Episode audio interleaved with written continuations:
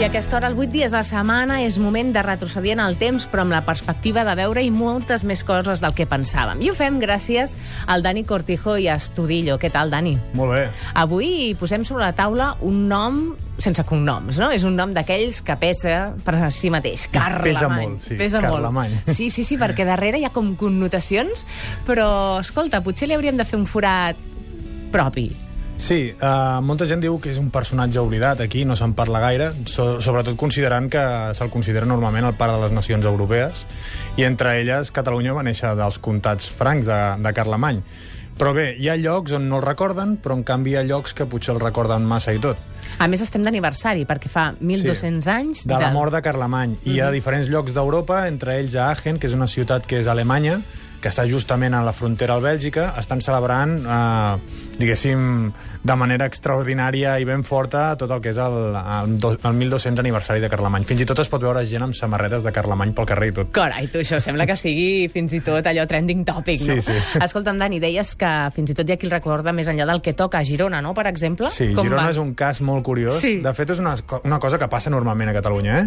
La història s'acaba barrejant una mica amb la llegenda, i si ara mateix anem a Girona, podrem visitar la cadira de Carlemany, on seia Carlemany, la torre de Carlemany, des d'on mirava Carlemany, i fins i tot un retrat de Sant Carlemany, que durant el temps va ser venerat com a Sant Carlemany. Què passa? Que si ens ho mirem bé, resulta que Carlemany va, mai va estar a Girona, per tant no podia haver Hola. segut en aquella cadira, no podria haver estat mai en aquella torre, i resulta que aquell, rela- aquest retrat no era Carlemany, sinó Pere el Cerimoniós, que durant un temps el van tractar com si fos Carlemany, aquell quadre, i li rendien culte. I això la gent ho sap normalment o jo crec està que, suposo que els gironins ho deuen saber, però arriba un moment que dius... És, és, és igual, però ja és una tradició, no?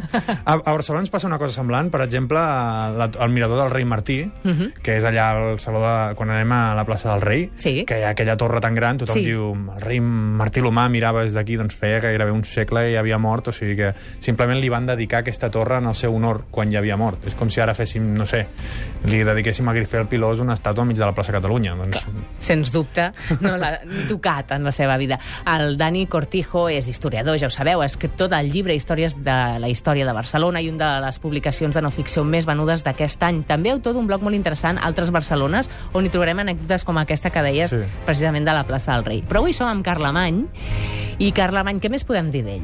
Doncs a veure, Carlemany és una persona molt important. Carlemany etimològicament vol dir Carla Magna, o sigui, uh Mhm. -huh. castellà es diu Carlo Magno, en, en, per exemple, en alemany li diuen Carle Grossa, és, Car, és Carles Gran, diguéssim. És uh, l'emperador de l'imperi franc, d'acord?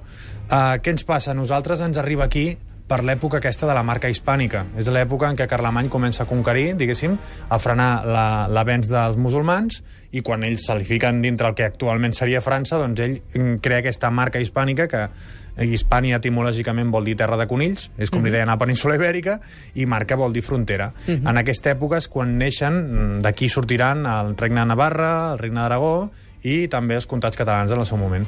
És l'època de la Reconquesta, per tant? Sí, però no. A veure, la reconquesta, jo, aquests regnes que he dit no tenen reconquesta. Uh -huh. uh, hi ha un regne que no he dit que és Castella. La reconquesta és castellana, perquè diguéssim que aquí qui hi havia a la península ibèrica abans eren els visigots, i els visigots fugen corrent, corrent, corrent, entren els musulmans, hem de pensar que la població més o menys sempre era la mateixa. Eh? Els que Sí. manen són les èlits que entren i surten, però la població aquí, sa- nosaltres som tan hereus dels, dels musulmans, diguéssim, com de carolingis, o sigui, que canviarà la superestructura dels que manaven. Els visigots marxen corrent i es queden uns quants amagats allà a Astúries i allà Don Pelayo fa la batalla de Covadonga que hi ha qui diu que era una escaramussa hi ha qui diu que és una gran batalla, depèn de qui li toqui explicar-ho. I, I a partir d'aquí, doncs, es podria dir que realment, clar, un visigot que es queda amagat en un lloc i acaba, diguéssim, conquerint terrenys que havien estat seus era la reconquesta. Uh -huh. Clar, és que potser la història se'ns ha explicat molt des del punt de vista de Castella i aleshores sí, però aquí reconquesta no n'hi ha cap. Marxen corrent els visigots i tornen uns altres senyors que són carolingis. Per tant, aquí estaríem parlant d'una conquesta. És conquesta d'un territori islàmic que portàvem molt de temps, sobretot el que seria València, etc. Allò era més musulmà que altra cosa, per tant, és bàsicament una, una colonització d'un territori per part d'unes persones que no hi havien estat abans. Per tant, de reconquesta, res. És curiós, eh? 2014, titular, la reconquesta en realitat no va existir com a tal. No està Aquí mal. no, aquí no sí, existeix sí, la sí, vist reconquesta. des d'aquest punt de vista, la veritat és que, clar, el punt de vista és tan important com el propi fet en si mateix. Clar, clar, és clar. curiós. Som hereus, per tant, dels carolingis com de l'Àndalus i, per tant, devem aquesta herència al que som avui en dia. I en tot això, tenim alguna cosa més a afegir amb Carlemany?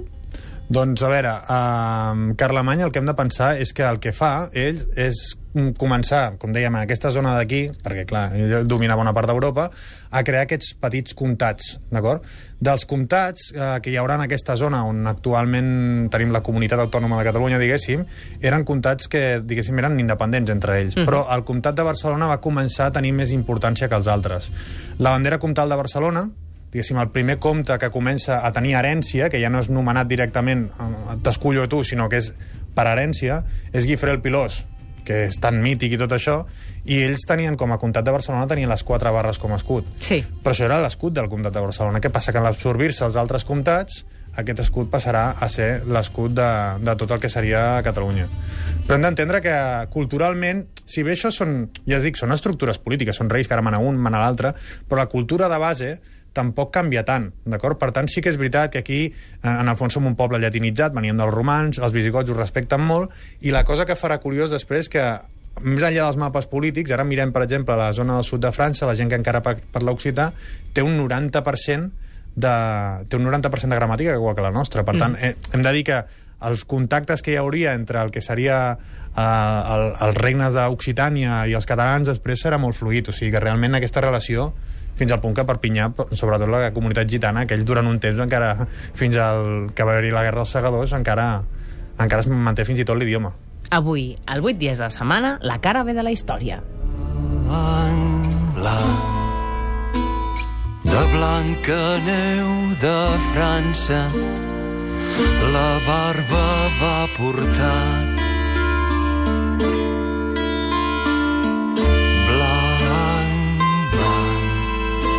de flors de Catalunya florida li quedà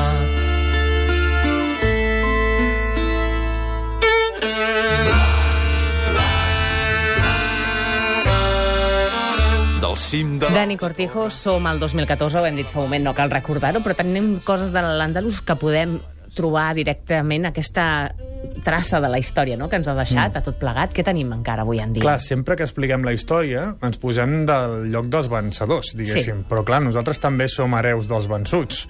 Ja no parlo a nivell genètic, perquè parlar a nivell genètic a Catalunya és una tonteria, perquè això és una terra de pas, però clar, som mig fenicis, mig grecs, mig andalusís, mig mig uh, carolingis, de tot, però hi ha moltes coses de la cultura que sí que s'assemblen molt. Sobretot si anem a les zones diguéssim, on, on, on els musulmans han estat més temps. Si anem, per exemple, cap a, al sud de Catalunya, la zona que li diríem la Catalunya Nova, o si ja anem a València o anem a Mallorca, ja la petjada és molt gran.